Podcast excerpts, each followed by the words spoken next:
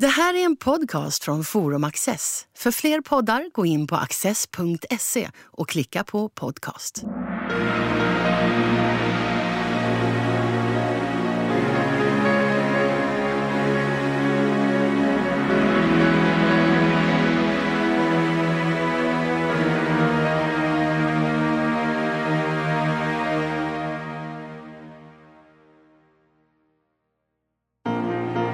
Bernhard av Clairvaux var i början av 1100-talet en mycket framgångsrik predikant, författare och klostergrundare. Hans tänkande har intresserat många genom historien, men har han någon betydelse för människor idag? Åsa Karlsson samtalar med idéhistorikern och teologen Dominik Terstrip om en bortglömd europeisk tänkare. Om vi börjar med de yttre dragen i Bernhard av Clairvaux liv. Han föddes ju 1090 vad var det för familj och för sammanhang som han eh, växte upp i? Ja, Bernhard växte upp eh, i en adelssläkt i Burgund. Han hade sex eh, syskon och det var ett väldigt känd och inflytelserik släkt. Och han växte upp med, med riddare med, i det feodala samhället med en mycket from mor och en, en ganska handlingskraftig far. Det kanske var inledningsvis eh, talat om, om, om hans eh, yttre sammanhang. Sen måste man ju alltid komma ihåg feodalsamhället. Eh, ett samhälle som var präglat av en stark gemenskap. Människor som knöt sig till en feodal herre som i sin tur var knuten till kungarna. Vi ska kanske återkomma till den frågan. Gemenskapen var ju det avgörande då. Man kunde inte tänka sig ett liv utanför en social fast ram, utanför en gemenskap. Och förväntningarna på honom var troligen att han också skulle bli en riddare eller någon K kanske inte riktigt. Kanske inte så, nej, nej. Eftersom han var den enda som fick en liten annan utbildning. Han skickades eh, ganska tidigt eh, till någon skola där han lärde sig latin, läsa och skriva, vilket inte var nödvändigt för en vanlig riddare. Många riddare förmod, var förmodligen eh, inte skrivkunniga. Och han eh, blev bekant till exempel med, med Bibeln, med kyrkofäderna, med många romerska författare som, som eh, Horatius eller Cicero, kanske delar av Platons filosofi. Vad han skulle komma att göra med det var kanske lite otydligt. Kanske hyste hans mamma önskan av att han skulle bli präst någon gång, men det var inte avgjort i alla fall. Men när han är 22 år, då går han in i kloster och blir munk i cisterciensorden. Just det, och det var väldigt, eh, något väldigt nytt kan man säga eftersom eh, många kloster, och då tänker jag på den benediktinska familjen som var den, den enda stora klosterfamiljen i Västkyrkan, de tog ju ofta upp pojkar i ganska ung ålder. Det var pojkar som familjerna lämnade till klostret för att de skulle uppfostras där och oftast stannade pojkarna i klostret och blev alltså munkar i längden. Och Bernhard fattar ju ett medvetet beslut. Och man måste alltid komma ihåg eh, när en, en man i 20 års ålder inträder i ett kloster, då har han varit med om en hel del saker i sitt liv. Han har sett världen på något sätt. Um, och det förändrar förstås klostret om någon med stor erfarenhet, och inte bara klostererfarenhet, inträder i ett kloster. En pojke som inträder vid fem års ålder eller sju års ålder. Han har inget val. Han har bara sett klostret. Han kan bara klostret. Och det intressanta med hans inträde var ju att han övertygade eh, 30 släktingar, eh, ja, närmare och fjärran släktingar, till att ta det här steget tillsammans med honom. Och alla dessa män hade ju levt, som man då sa, i världen. De var godsägare, de var riddare, de hade alltså yrkesmässiga befattningar som var, var vanliga på den tiden. Och de inträdde med den bakgrunden i ett kloster. Och det var väldigt nytt på den tiden. Och eh, han eh, lever ju i det här klostret några år. Det heter Citeaux. Citeaux, just ja. Men ganska snabbt så lämnar han klostret för att grunda ett nytt kloster, Clairvaux. Just det. Och blir abbot där. Varför gör han det? Alltså han skickades, så enkelt okay. är det. Alltså abboten där i, i Citeaux skickade honom eh, dit. Och eh, man måste kanske säga, vi har glömt säga innan, att han med sitt inträde räddade själva klosteridén. Citeaux var ju ett reformkloster som grundades eh, 1098. Och ehm, klostret ville tillbaka till den ursprungliga idén om klosterlivet och då en, den ursprungliga Benediktusregeln som organiserade klosterlivet och var den, den andliga och praktiska bakgrunden till munkarnas liv. Och Benediktusregeln det var den som reglerade tidigare kloster och, och även många kloster efter, alltså en grundläggande regler för klosterlivet. Det var den, den förhärskande regeln den förhärskande. I, i västkyrkan kan man säga. Och mer eller mindre alla kloster levde enligt den regeln. Och um, som det ofta sker, då förändrar sig reglerna eller man lägger till många saker, så kallade consuetudines, vanor som i början inte fanns med. Och eh, CITO och dess grundare Robert af Molem ville rensa bort allt det som har, hade vuxit till under, under århundradena och ville så den rena läran, den rena regeln tillbaka. Och det var ett stort program av avskalande kan man säga än den tidigare enkelheten vad gäller livsstilen, arkitekturen eller också utformandet av eh, bönerna i kyrkan. Eller att man också eh, ville tillbaka till regeln att alla munkar skulle arbeta kroppsligt, alltså handarbete på fälten eller andra eh, handarbeten. Och större askes, alltså man skulle avstå från saker. Eh, fattigdom och, så vidare. Och det, det, här är ju ett led i sådana reformrörelser som då och då har dragit igenom kyrkan. Mm. Eh, en reformrörelse var på 1500-talet med Martin Luther när man också startade, man lämnade katolska kyrkan. Och vi kanske också har sett sådana reformrörelser, man ska säga uppvaknanden senare också. Att unga människor vill liksom leva ett eh, renare, mer asketiskt liv, mer i enlighet med ideologi och så vidare. Så jag menar, det kanske inte är så annorlunda mot vad som händer i vår egen tid. Nej, egentligen. Nej det är det inte. Alltså man, man ser och upptäcker ett ideal och jämför det med, med hur det är idag och eh, uh, tänker eller säger högt, men så här vill vi inte ha det. Vi ska tillbaka till, till vårt ursprung. Och för de kristna har det ofta varit en fråga um, hur ska livet utformas i enlighet med Kristi budskap eller också de första kristnas liv som under alla århundraden har varit ett föredöme för många människor. Man ville leva i enkelhet, man ville äga allting gemensamt, ingen skulle kalla något sitt eget och ville på, på så vis förverkliga det liv som Jesus har levt. Men det är intressant också att på 1960-talet så fanns det också vänsterrörelser som hade ganska liknande ideal. De var inte alls kristna, men det var också äga tillsammans. Eh, inte ens barnen skulle man ha för sig själv, utan man hade eh, stora kollektiv. Så att rörelserna finns ju även senare. Ja, det är en, ett återkommande motiv. Tror jag. Ja, det kallas ju ofta för revolution, men en revolution består ofta i att man återvänder till källorna. Att fontes, alltså återvända till källorna, det är ett vedertaget begrepp för att um, formulera just denna idé. En återbesinning på det som en gång har uppfattats som, som bärande, som idealiskt och som vi vill förverkliga igen, nu, här och nu. Och han går ju in, Bernard av Clairvaux träder in i det här cisterciensklostret. Han grundar ju inte cistercienserna, men han reformerar och han sprider mm. cisterciensklostren väldigt mycket. Han grundar många kloster i sin samtid.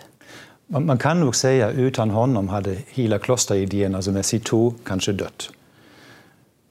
Riktigt varför vet man inte, man kan bara gissa, kanske var det ändå för strängt.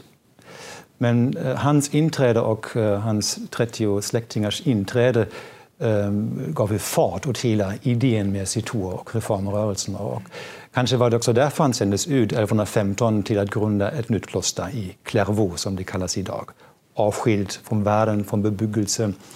Um, och därifrån spred sig, som du sa, dessa många kloster som eh, grundades därifrån. Alltså under hans livstid ungefär 70 kloster som han själv grundade, som förgrenade sig ytterligare blev många, ett 200-tal kloster under hans livstid. Och när vi säger att han grundade kloster, alltså man skickade iväg bröder från, eller munkar från klostret och sa nu får du åka dit bort ja. och grunda ett nytt kloster. Just det. det är det vi menar. Just det. Idealiskt skickade man ut 12 munkar 12, ja. eftersom de skulle representera de 12 apostlarna.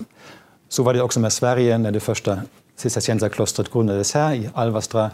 Då var det 12 eh, munkar och några lekmannabröder som tillsammans eh, vandrade till Sverige. Och då får vi tänka att det här är en tid när kommunikationer eh, både av personer och av information är väldigt långsam. Men ändå har man ett väldigt starkt ideal att man vill hålla ihop hela den här organisationen.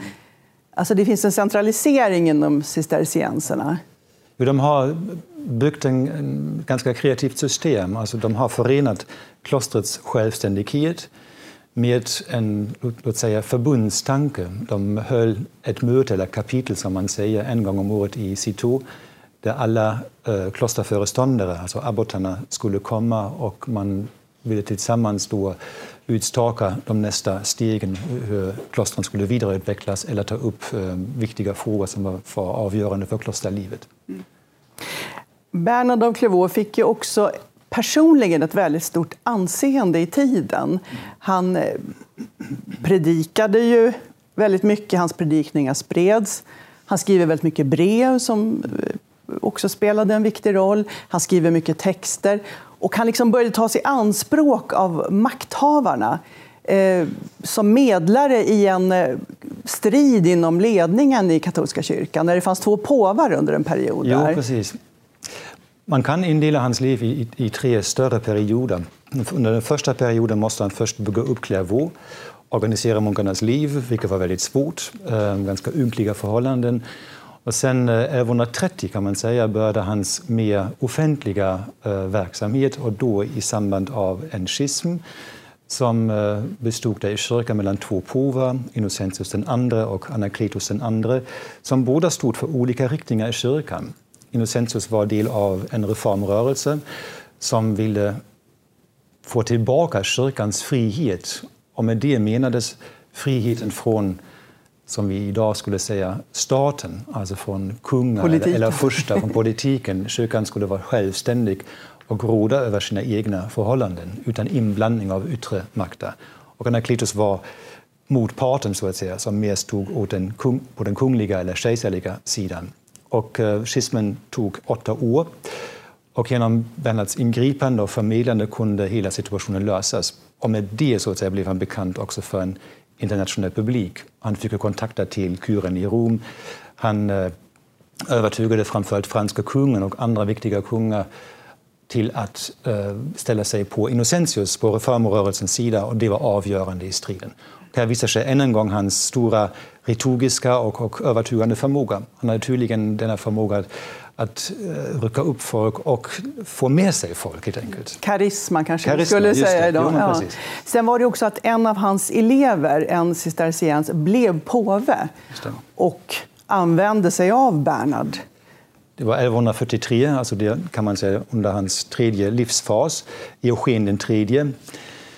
Um, och relationen var inte helt lätt. Å ena sidan var Eugen hans elev och novis. Det fanns alltså ett gammalt band eh, då Bernhard var den, den givande, eh, dominanta parten och plötsligt blir eleven påven som nu står ovanpå honom, så att säga. Eh, och Eugen eh, ville främja korstågsidén och gav i uppdrag till Bernhard att predika det andra korståget. Eh, 1146. Och det korståget utropades i Vézelay. Det var ett stort möte med många kungar som samlades där. Och Bernhard var i det här projektet inte initiativtagare utan mer utförare. Han skulle predika korståget i Europa. Och i och med det inledde han en längre fas av um, resor och vandringar genom Europa, predikade korståget och fick med sig många unga män som ville inträda just i Clairvaux, eller i hans kloster.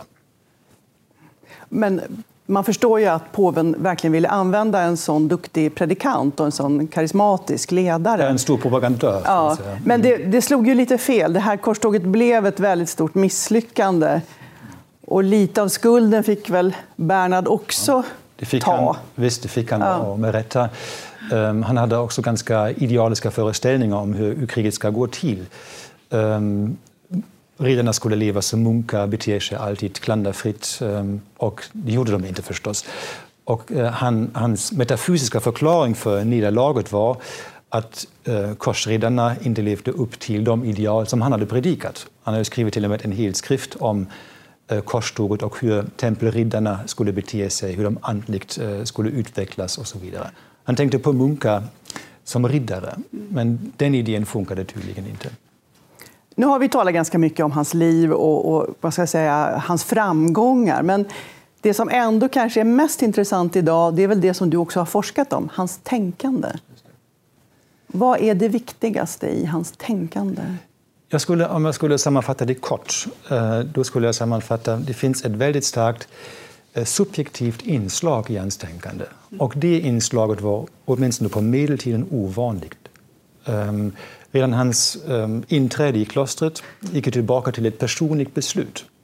Inte till föräldrarnas beslut. Han själv valde det. Och uh, i hans teologi, hans tänkande, spelar introspektion, alltså blicken inåt, en väldigt stor roll. Och erfarenheten. Han eh, uppmanar i alla sina skrifter att titta på sig själv, lära känna sig själv och ansluta därmed till eh, en gammal filosofisk idé, känn dig själv, oraklet i Delphi. Och han menade att just kännedomen av sig själv leder till kunskap om många saker. Först och främst om sig själv, vem jag är, men också vem människan är. Eftersom om när jag lär känna mig själv, då kan jag också härleda lite slutsatser hur en annan människa kan må, till exempel, vad, vad hon behöver, eller hur det är fatt med henne. Sen också kunskap om Gud. Ehm, och för honom är just den här självkännedomen en viktig startpunkt för allt som heter kunskap. Och det känns ju ganska modernt. Det kan vi ju ganska lätt relatera till att vi ska blicka inåt och försöka förstå oss själva och vad vi vill göra med, med våra liv och så vidare. Och det, det, är också modernt. Och det finns ju historiska förbindelselinjer till reformationen också. Luther var ju också en, en sån som var mycket introspektiv och eh, hade en väldigt stark subjektiv sida. Han frågade alltid vad betyder Gud eller budskapet för mig? Och det gjorde också Bernhard. Och man, man vet idag att Luther läste Bernhards skrifter och var väldigt förtrogen med dem och tog dem till sig. De var viktiga för hans teologiska tänkande. Um, samtidigt som man måste säga att det också alltid finns en objektiv pol i det hela. Och det är kanske något uh, viktigt som man måste lyfta fram i det sammanhanget. Det finns den här subjektiva sidan, jag känner mig själv.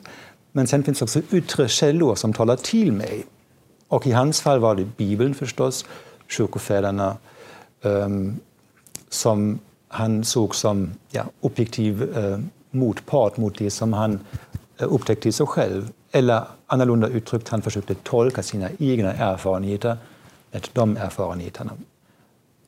Och han säger uh, på ett par, par ställen i sina skrifter Idag läser vi i erfarenhetens bok. Det är en, en väldigt bra talande bra bild. Ja. bild. Um, när man läser om honom så han levde ju ganska asketisk. Han fick också en del fysiska problem för att han hade varit så väldigt asketisk och hård mot sin kropp och sådär. Men samtidigt så är det det här med kärlek på olika sätt är en väldigt stark del av hans tänkande. Älska dig själv och så vidare. Just det. Um, och det hänger återigen tillsammans med just frågan om, om erfarenheten um, och om någonting som jag kallar vishet. Hans tänkande är vishetlig, om man kan säga det. Um, vad, vad, betyder det? Jo, att man inte bara kommer till insikt om saker och ting genom intellektet utan också genom känslor. Och uh, vishet, på latin sapientia, hänger ihop med att man smakar på saker och ting. Och att smaka på saker och ting är något annat än att reflektera över en sak. Logiskt resonera sig fram till. Och han vill ju ha båda källorna eh, för att komma fram till insikt om, om en sak. Tänkandet och smakandet. Um, och därför lämpar sig kärleken uh, väldigt bra för att närma sig vissa frågor. Relationer till exempel, relationen uh, till Gud är den främsta relation som han ofta talar om. Och I det sammanhanget är det intressant att han uttolkade Höga visan. Det är en bok som handlar um, på ett bokstavligt plan om kärleken mellan man och kvinna. Um, som han uttolkar under 18 år. Han börjar med kapitel 1, vers 1 och avslutar efter 18 år i kapitel 3, vers 1 fastän boken har åtta kapitel. Alltså han har inte ens lyckats tolka en tredjedel av boken. Eftersom symboliken är så rik. Och kärleken är ju, kärlek är ett relationsbegrepp som rymmer så mycket. Eh, stark intensitet förstås. Sen kärlek har också en insiktsaspekt. Man lär känna varandra när man älskar varandra. Då har man återigen erfarenheten. Och just det var väldigt viktigt för honom. Och det kan kännas lite intressant idag att den mest uttolkade boken under lång tid har varit just Höga visan, som inte en enda gång talar om Gud. Men relationen, kärleksrelationen är tydligen så pass stark och talande att den kan lära oss mycket just om oss, om våra relationer och om Gud. Och det här är kanske hans mest betydande verk, kan man säga det? Den här, ja, det han skriver om Höga visan. För det, den ser man ju ständigt refererad till i, i alla sammanhang. Men, intressant är att ja. den har försvunnit sen i teologihistorien. Efter Bernhard mer eller mindre är det slut med, med uh, tolkningarna. Alltså det är ingen annan som har tagit upp nej, tråden? Och, nej, och det hänger kanske ihop med en förändring uh, hur man närmar sig saker och ting. Lite grovt sagt, från och med 1200-talet var det också inom vetenskapens värld framförallt intellektet och förnuftet. Och känslorna och det andra, erfarenheten, spelade en underordnad roll, eller ingen alls roll. Du, är det här den här striden kommer in med Pierre Abelard? Alltså som, han utkämpar en ganska hård lärostrid ja. mot den här Pierre Abelard, som, där han är ganska skoningslös mot honom också. Jo, det, hand, alltså, det handlar också om det förstås. Det är två olika sätt att närma sig Äh, teologiska frågor. Om man vill sammanfatta det kort kan man säga Bernhard försökte alltid ähm, ha ett helhetsgrepp och accepterade de så kallade auktoriteterna. Det var Bibeln och kyrkofäderna och ville hålla ihop det. Abelard analyserade, dissekerade och sa att här finns en källa som säger si och här finns en källa som säger så. Vad är sant? Ja, det är med det analytiska tänkandet. Ähm, och där gick väl skiljelinjen mellan eh, de båda. Och Abelard låter lite som en modern forskare, om jag får säga så. Men det, det kanske är övertolkat. Ja, en, en, en, forskare som tillämpar ett, ett upplysningsideal. Men nu har man kommit längre också. Man, man förstår ju att inte bara intellektet ger kunskap. Att man måste hålla ihop saker och ting. Att man, när man dissekerar och analyserar måste också få ihop det hela igen. Man har ju en ny känsla för, för tingens helhet och uh, samhörighet. Och det kan man lära hos Bernhard. Ja. Du, han brukar ofta kallas för en av de stora mystikerna i kyrkans historia. Vad menar man med det? Mystik är lite kort sammanfattat eh, längtan och strävan efter att förena sig med Gud. Så skulle jag säga. Och, eh, den kristna mystiken utmärker sig i det att man vill ha en, en så nära gemenskap med Gud utan att människan försvinner. Och det är en mycket viktig poäng. I andra um, idéer om mystiken då ska jaget eller människan, själen, gå upp i det gudomliga havet som en, en droppe vatten i ett hav som inte känns igen. I den kristna mystiken ska Gud och människan komma så nära som det än går, men båda förblir de de är. Vad tycker du är viktigast i, i eh, Bernhards tänkande om vi ser från vår nutid? Vad är det liksom vi kan fortfarande känna att vi lär oss någonting av honom? Alltså jag kan, eh, kan tycka att den här idén om, om självkännedomen är viktig. Det som kallas i litteraturen som kristen sokratism. Verkligen så ärligt som möjligt fråga sig själv hur är det fatt med mig? Vem är jag? Vad ska jag göra? Eftersom det finns mycket kunskap att hämta redan genom det. Och att man tar på allvar alla möjliga ingångar i, i verkligheten. Det finns olika, det är en kunskapsteoretisk fråga, olika ingångar in i verkligheten. Och man ska gå alla vägar för att få en så omfattande bild som möjligt. Och det står också Bernhard för, tror jag. Han hade ju en enorm betydelse i, i sin samtid. Vi har ju talat lite grann om, om Sverige och Norden. Alltså redan på 1140-talet så grundas två cistercienskloster i Sverige, i Alvastra och i Nydala. Mm. Och utifrån dem då kommer ytterligare kloster. Och den första ärkebiskopen i Sverige, i alla fall i Uppsala, var ju en cisterciens, Stefan av Alvastra. Så att han har ju, eh, Bernhard har haft en väldigt stor betydelse även här. Och det är intressant att man var så angelägen om att skicka munkar så långt bort. De tyckte att det här var ju bara råa, vilda människor som bodde i, i Norden. Varför hade man den här eh, idén att, att skicka så väldigt långt bort i dåtiden? Jo, alltså jag tror det är helt enkelt så. De trodde att de hade någonting att ge åt andra. Så. Så enkelt är det. Och de ville dela med sig av det de hade. Och de hade en, en missionär eh, drivkraft och ville sprida denna idé. De var ju övertygade om att det var rätt det de gjorde och det de försökte, eh, försökte leva upp till.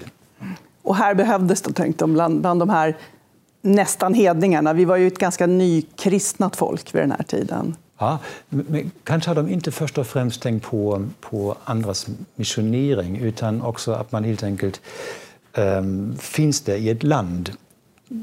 Uh, klosteridén eller munkväsendet är inte först och främst missionerande. De bygger sitt kloster och idealiskt sett då befinner sig munkarna i klostret. De går inte ut, utom till, till uh, fältarbete. Men annars är de inne i klostret. Inte som till exempel senare franciskanerna, dominikanerna gjorde. De hade ju en, en explicit missionär idé. De ville gå ut till människorna och möta dem i städerna. Det var inte munkarna. Men ändå kunde de påverka. Ja, precis. Ja. Det finns ju någon, någon, berättelse om att den som vi kallar den heliga Birgitta ja att hon bodde hos dem i Alvastra under en period och där fick en viss inspiration till sin egen klosterrörelse. Så att de påverkar kanske indirekt utvecklingen. Ja, men precis. Det förhöll sig som, som du sa, de drog människor till sig. Alltså människor kom till dem, inte de till människorna. De var i det avseendet att de bosatte sig i ett annat land, men inte att de aktivt gick ut och predikade. Skulle du generellt säga att Bernard av Clairvaux är en ganska bortglömd person idag? Eller är det i vår del av världen som han är det? Som hans, hans minne är lite överskuggat av de eh, stora konflikter som du har nämnt. Alltså den teologiska konflikten med Abela och sen framförallt äh, äh, idén om, om korståget och hur han såg på den. Och det har överskuggat hans eftermäle väldigt starkt. Om man tittar på den teologiska litteraturen ähm, och den, den mystika litteraturen, där spelar han fortfarande en väldigt stor roll.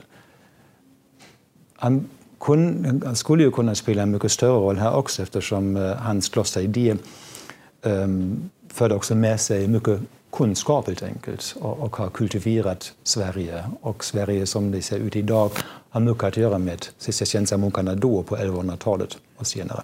Och det är ganska intressant, när vi har förberett oss för det här programmet så upptäckte vi att på 1930 och 40-talet då verkar det vara en liten renässans för Bernhard av Clairvaux i Sverige. Det kommer en biografi, man ger ut hans predikningar och poeten Hjalmar Gullberg skriver en, en dikt om Bernhard av Clairvaux som kanske är ja, gjort honom mest känd av någonting för moderna svenskar, skulle jag gissa. Ja, jag får tacka dig så hemskt mycket för att du har kommit hit och gjort honom lite mer känd igen. Tack så mycket. Ja, tack så, mycket.